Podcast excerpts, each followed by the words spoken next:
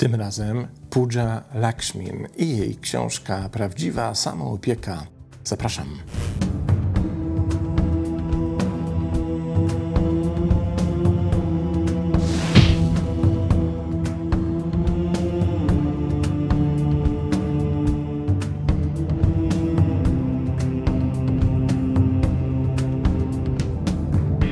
Zanim zajrzymy do samej książki i sprawdzimy, kim jest autorka, taka mała uwaga, a właściwie ostrzeżenie. Dzisiejsza książka dotyczy kobiet, jest napisana przez kobietę i to panią psychiatrę. Co nie znaczy, że dla mężczyzn w moim przekonaniu mogłaby nie być interesująca, więc wszyscy faceci, którzy teraz chcieliby zrezygnować z tego odcinka tylko dlatego, że uznają, że to nie jest dla nich, warto się zastanowić i być może na chwilę zostać bo możemy się, drodzy panowie, dowiedzieć rzeczy, których się nie spodziewamy. Ale zacznijmy od tego, kim jest autorka. Doktor Pooja Lakshmin jest autorką ogólnokrajowego bestselleru Real Self Care, czyli właśnie książki, którą omawiamy dzisiaj, która miała swoją premierę w lutym 2023 roku, czyli pół roku temu. I oczywiście nie ma jej w Polsce, ale myślę, że akurat w tym przypadku jest duża szansa, że będzie, bo to naprawdę bestseller za oceanem. Który to bestseller był prezentowany przez Good Morning America, Hot Switch, The New York Times, The Guardian, Telxat Google i tak dalej, i tak dalej. Został przetłumaczony na sześć języków. Pooja jest certyfikowaną psychiatrą specjalizującą się w zdrowiu psychicznym kobiet oraz adiunktem klinicznym psychiatrii na Uniwersytecie George'a Washingtona. Jest wiodącym głosem na styku zdrowia psychicznego i płci, skupiającym się na pomaganiu kobietom i innym marginalizowanym społecznościom w ucieczce od tyranii fałszywej samoopieki. O tym jest ta książka.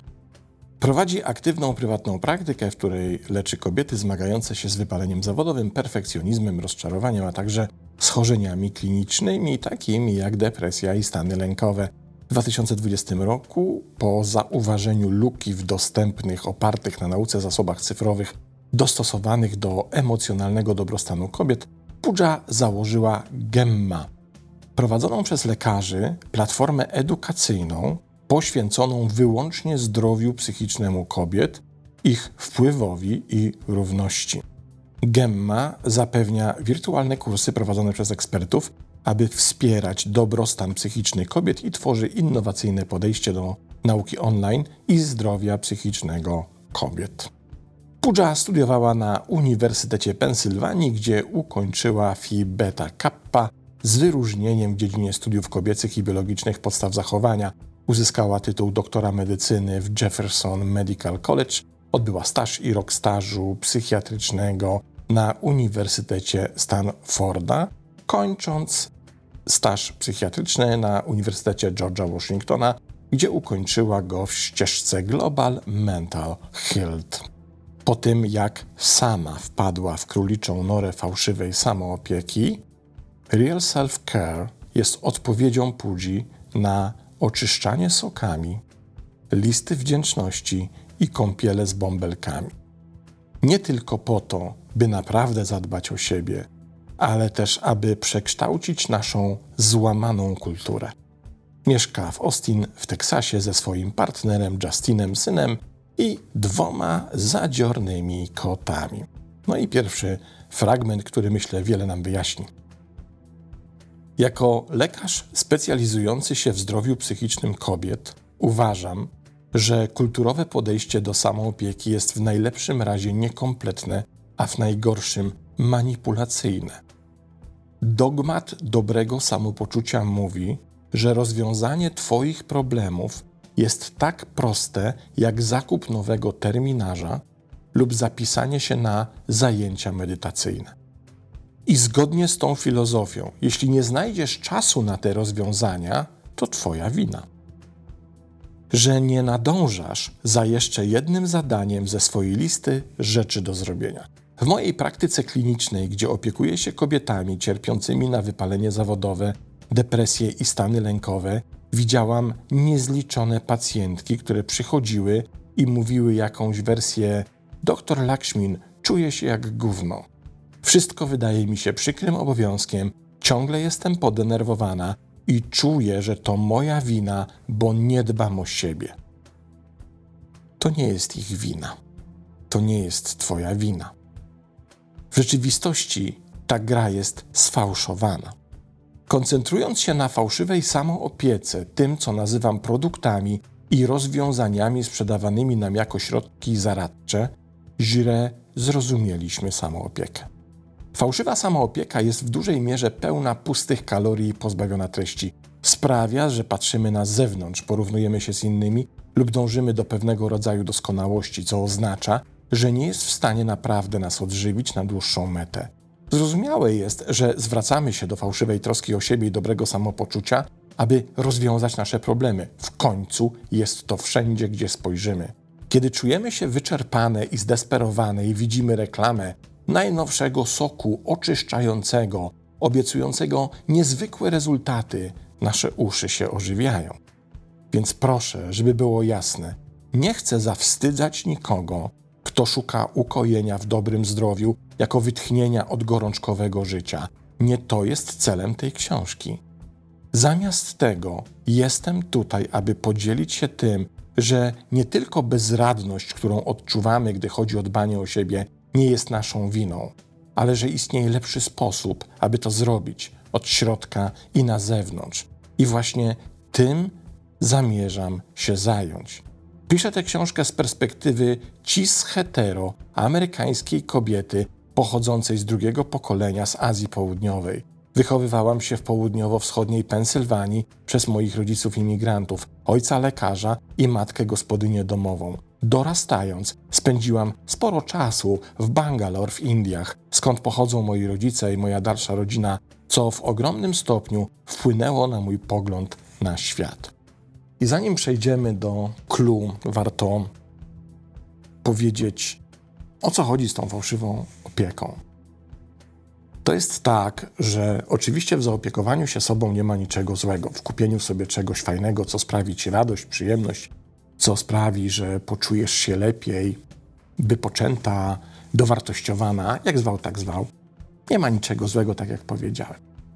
Problem polega jedynie na tym, że powstał przy okazji potężny rynek fałszywej samoopieki.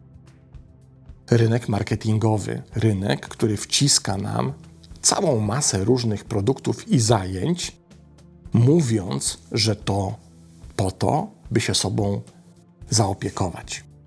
Jeśli tego nie robisz, to nie możesz być szczęśliwa. Jeśli nie kupisz sobie nowego kremu, który jest reklamowany właśnie ten sposób, że oto dzięki temu kremowi poczujesz się wreszcie zaopiekowana, no to musisz się czuć gorzej. Problem jednak pojawia się wtedy, kiedy zaczynamy wierzyć w ten nierealny, przedstawiony, głęboko fałszywy świat, którego jest wokół pełno na reklamach, billboardach, w internecie, na TikToku, w Instagramie. Widzisz sobie materiały typu, jak to celebrytka, influencerka rozpoczyna dzień. Ona wstaje w zwiewnej pościeli i wszystko jest takie piękne, i pije parującą kawę na swoim tarasie z niebiańskim widokiem, po czym medytuje, po czym idzie do spa albo na pilates i coś takiego. A ty stoisz na jednej ręku trzymając dzieciaka, drugą ręką mieszając chochlą w zupie i tak naprawdę od momentu, w którym wstałaś, zapierdalasz. Ciężko. Harujesz po prostu nieustannie. I teraz, kiedy widzisz taki obrazek, to jest ci wtłaczane poczucie winy, że ty za mało dla siebie robisz. Ty się czujesz taka przemęczona, no bo ty nie robisz nic dla siebie. Ty się czujesz zajechana, bo ty nie zadbałaś o siebie, bo ty się odpowiednio nie zaopiekowałaś. I wiesz co? My ci powiemy, jak ty się masz sobą zaopiekować. Kup nasz krem na zmarszczki. Jak ty go kupisz, ty się nim wysmarujesz, albo jakiś inny płyn z bąbelkami do kąpieli, do wanny, do prysznica. Jak weźmiesz tą kąpiel i te bąbelki spłyną, to wraz z tymi bąbelkami spłyną wszystkie twoje problemy. Nieprawda. Fałsz i ściema. Żaden krem jeszcze nie rozwiązał głębokich egzystencjalnych, tożsamościowych, energetycznych problemów na tym świecie. Żaden płyn do kąpieli, żadne zajęcia pilatesu, cokolwiek innego. I pani psychiatra Pudża wreszcie się wkurzyła, bo od lat pracuje z kobietami, które właśnie zmagają się z takim poczuciem winy, bo jak już nawet stacie na ten masakrycznie drogi, nie wiadomo po co taki drogi krem, i które kupują ten krem i się nim nasmarują, to nagle się okazuje, że te problemy nie zniknęły. I co słyszą? Słyszą kolejny przekaz marketingowy. To jeszcze musisz zrobić to, jeszcze musisz zaoszczędzić pieniądze i wydać je na to, i tak dalej, i tak dalej. To jest marketing wciskający samoopiekę jako produkt. I o tym jest ta książka. Jak rozróżnić tę marketingową, influencerską samoopiekę od tego, co tak naprawdę powinna oznaczać samoopieka i dlaczego jest taka ważna? I teraz, jak to opowiadałem, to zacząłem się zastanawiać, czy aby na pewno ta książka wyjdzie w Polsce, bo tak naprawdę pani doktor Pudża wali bez ogródek w ten przemysł i nie zostawia na nim suchej nitki. I być może wydanie tej książki w Polsce nie wszystkim, na przykład producentom kremów, mogłoby się spodobać. Kolejny fragment. Tyrania fałszywej samoopieki. W swojej praktyce klinicznej, gdzie jako psychiatra specjalizuję się w zdrowiu psychicznym kobiet, widzę kobiety we wszystkich środowiskach i w każdym wieku, samotnej partnerki, matki i osoby bezdzietne. Niektóre z tych kobiet zmagają się z depresją lub stanami lękowymi, ale wiele z nich po prostu stara się wymyśleć, jak zadbać o siebie w obliczu niezwykle pracowitego i gorączkowego życia. A to było zanim pandemia podniosła nasz poziom stresu i niepokoju do imponujących rozmiarów. Wspólna cecha wszystkich tych kobiet jest jednak jasna: walczą, a to, co robią, aby znaleźć ulgę, nie przynosi efektów. Często są ofiarami fałszywej troski o siebie, zachowań i praktyk związanych z dobrym samopoczuciem, które są powszechnie sprzedawane jako lekarstwo na problemy kobiet. W wielu przypadkach fałszywa troska o siebie to po prostu wysoki poziom cukru, służący jako ucieczka od realiów codziennego życia i oddalający nas od naszego prawdziwego ja. Fałszywa samoopieka to także wielki biznes. Z raportu Global Wellness Institute wynika, że w 2020 roku globalna branża wellness skierowana w szczególności do kobiet była warta 4,4 miliarda dolarów. Podczas gdy produkty takie jak butelki na wodę z kryształkami i spraje do poduszek na nerw błędny mogą wywoływać chwilowe poczucie spokoju, pomijając fakt, że są zbyt drogie dla większości kobiet, nie robią nic, aby zmienić systemy społeczne, które przede wszystkim sprawiają, że pragniemy ulgi, więc cykl konsumpcjonizmu trwa nieprzerwanie.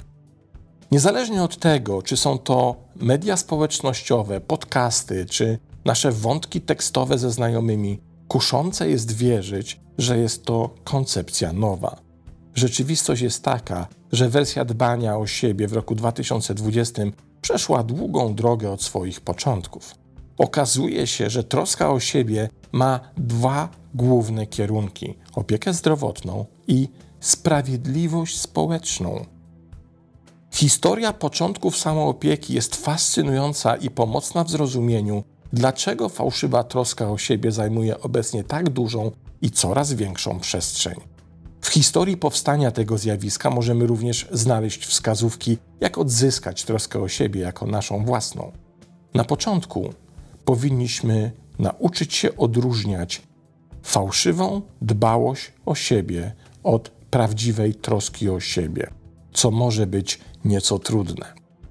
Poniższy wykres pomoże Ci dostrzec różnicę. Oczywiście nie będę Wam pokazywał wykresu, ale opowiem o tym, co się w nim znajduje, ponieważ doktor Lakshmin zestawia tutaj dwa różne koncepty. Jeden pochodzący z fałszywej samoopieki, a drugi z prawdziwej. I czym to się różni? Otóż łatwo rozpoznać fałszywą samoopiekę, między innymi po tym, że jest, jak pisze Pudża, przepisywana z zewnątrz. To znaczy, to jest taki rodzaj dbania o siebie, do którego najprawdopodobniej ktoś cię namówił. I tym kimś może być zarówno przyjaciółka, jak i billboard. Zarówno filmik na YouTubie, jak i książka. Prawdziwa samoopieka nie może pochodzić z zewnątrz, bo tak naprawdę ty najlepiej sama wiesz, na czym ona w Twoim indywidualnym przypadku polega. Więc łatwo rozpoznać pomiędzy fałszywą samoopieką a prawdziwą to, że ta pierwsza jest zazwyczaj wciskana ci na siłę, czy też sprzedawana właśnie pod tym płaszczykiem pojawienia się poczucia winy, że skoro tego nie masz, na to cię nie stać lub tego nie robisz, bo nie możesz się wyrobić z czasem, by poświęcić dla siebie odpowiedniej uwagi, to musisz poczuć poczucie winy, że niewystarczająco dbasz o siebie. Kolejna rzecz to to, że w fałszywej opiece bardzo często opisują ją rzeczowniki. To są rzeczy konkretne: płyn, proszek, zajęcia, warsztat, krem, coś tam, coś tam. Natomiast w przypadku prawdziwej samoopieki to zawsze jest czasownik.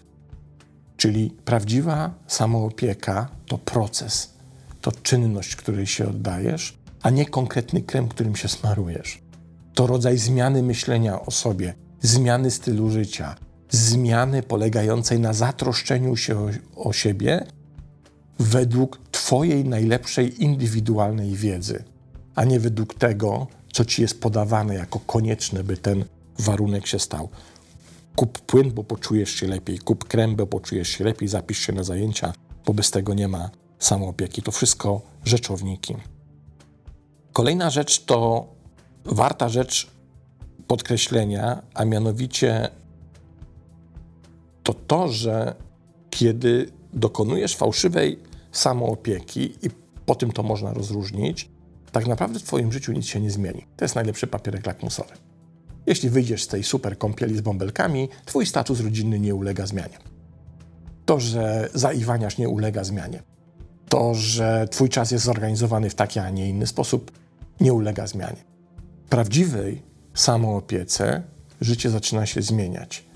Zaczyna się zmieniać Twoja obecność w relacji. Ona zaczyna być bardziej zdrowa. Ona zaczyna być energetycznie mniej wyzyskująca. I po tym to rozpoznać. Za prawdziwą samoopieką następuje zmiana, którą widać w Twoim życiu i którą odczuwasz oczywiście pozytywna zmiana. I jeszcze jest jedna ważna różnica, o której pisze pani Lakshmin, doktor Lakshmin. Mówi, że fałszywa samoopieka wiąże się z krótkotrwałymi kosztami emocjonalnymi. Ty się przez chwilkę czujesz lepiej. To jest krótkotrwały koszt. Ty ten stan, który osiągasz dzięki tej fałszywej samoopiece, on trwa przez krótki czas, krótki moment. Prawdziwa samoopieka zmienia Twój stan emocjonalny permanentnie. On jest długofalowy, on następuje małymi kroczkami, może na początku nie jakimiś super spektakularnymi, ale konsekwentnie, powolutku do przodu zmienia się Twoje samopoczucie i staje się to trwałym procesem zmian. Różnica może być bardzo subtelna, pisze dalej pani autorka. Widzisz reklamę kremu i pojawia się impuls, w którym poczucie winy za wydane pieniądze jest rekompensowane mantrą muszę coś zrobić dla siebie. Jednak po jakimś czasie okazuje się, że krem nie rozwiązał problemu, bo dalej czułaś się jak czułaś. Ale pojawia się dodatkowa złość na siebie, że dałaś się nabrać kolejnej reklamie. Fałszywa opieka to jednorazowe strzały. Prawdziwa samoopieka to proces ciągły, to zmiana sposobu myślenia o sobie. Pierwszą zasadą prawdziwej troski o siebie jest wyznaczanie granic. Granice są kamieniem węgielnym, bez nich żadna pozostała część pracy nie może zostać wykonana. Prawdziwa troska o siebie polega na stworzeniu przestrzeni dla siebie, swoich myśli, uczuć i priorytetów życiowych. Większość moich pacjentek musi wywalczać sobie drogę do posiadania tej przestrzeni, ponieważ nie postrzegają swojego czasu i energii jako należących do nich. I znowu, to nie jest ich wina, cały nasz system opiera się na założeniu, że czas kobiet nie należy do nich. Wyznaczanie granic jest sposobem na odzyskanie naszego czasu, energii i uwagi. Prawdziwa troska o siebie oznacza traktowanie siebie ze współczuciem. Prawdziwa troska o siebie przybliża cię do siebie. Proszę, nie myl tego z toksyczną pozytywnością, terminem opisującym wybielanie trudności i negatywnych uczuć na rzecz pośpiechu w stronę pozytywów. Chociaż komentarze takie jak wszystko dzieje się z jakiegoś powodu i przynajmniej nie było straszniej, zwykle wypływają z dobrych intencji, ich przyjęcie nie tylko nie jest pomocne, ale także oddala rzeczywistość straty, traumy i bardzo realne zmagania każdego, kto nie ma uprzywilejowanej pozycji w naszym społeczeństwie. Toksyczna pozytywność to przemożna potrzeba odłożenia na bok zmagań, bólu i strat, których doświadczyłaś ty lub inni, i zapakowania tego w schludny pakiet tak wiele się nauczyłam, teraz wiem o wiele lepiej. Stosowanie toksycznej pozytywności to kolejny przykład naszego dyskomfortu związanego z niuansami i chęci pójścia do przodu zamiast odzwierciedlania i odczuwania naszych uczuć. Nie tylko dobrze jest czuć się źle, ale jest to również przydatne. Aby poczuć dobre rzeczy w życiu, musimy także być w stanie poczuć rzeczy złe. Nie możesz mieć jednego bez drugiego. W przeciwnym razie ryzykujesz odrętwieniem i apatią. Dzieje się tak dlatego, że te same części mózgu, które pozwalają nam odczuwać dobre uczucia, takie jak podekscytowanie, radość i szczęście, umożliwiają nam również doświadczanie złych uczuć, takich jak złość i smutek. Kiedy zamykasz swoje negatywne uczucia, niechcący blokujesz także zdolność do doświadczania pozytywnych. Praktykowanie prawdziwej samoopieki wymaga przejęcia odpowiedzialności za siebie z systemu, który cię powstrzymywał, niezależnie od tego, czy jest to Twoja rodzina, miejsce pracy, ogół społeczeństwa, czy wszystkie powyższe. Prawdziwa troska o siebie polega na zmianie naszego wewnętrznego krajobrazu, abyśmy mogli wyjść i sprawować władzę i sprawczość w świecie zewnętrznym. Uważam to za zasiew nasion rewolucji. Zasiewamy przyszłość dla siebie i dla następnego pokolenia. Prawdziwa troska o siebie polega na łączeniu nadziei i bólu.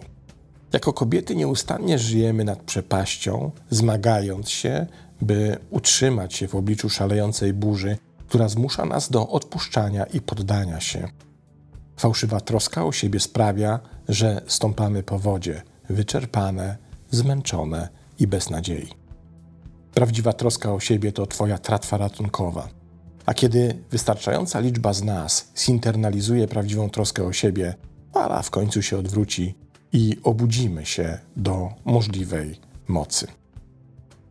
Jeśli mielibyśmy zapamiętać z dzisiejszego odcinka tylko dwie rzeczy, to wskazałbym na następujące. Po pierwsze, nie da się naprawdę zatroszczyć o siebie i dotyczy to również facetów. Bez stawiania granic. To jest warunek podstawowy. Jeśli nie potrafisz tego robić, to zawsze znajdzie się ktoś, kto ci odbierze taką możliwość. To zawsze znajdzie się ktoś, kto nie pozwoli na to, byś poczuła, poczuł się ze sobą odpowiednio dobrze.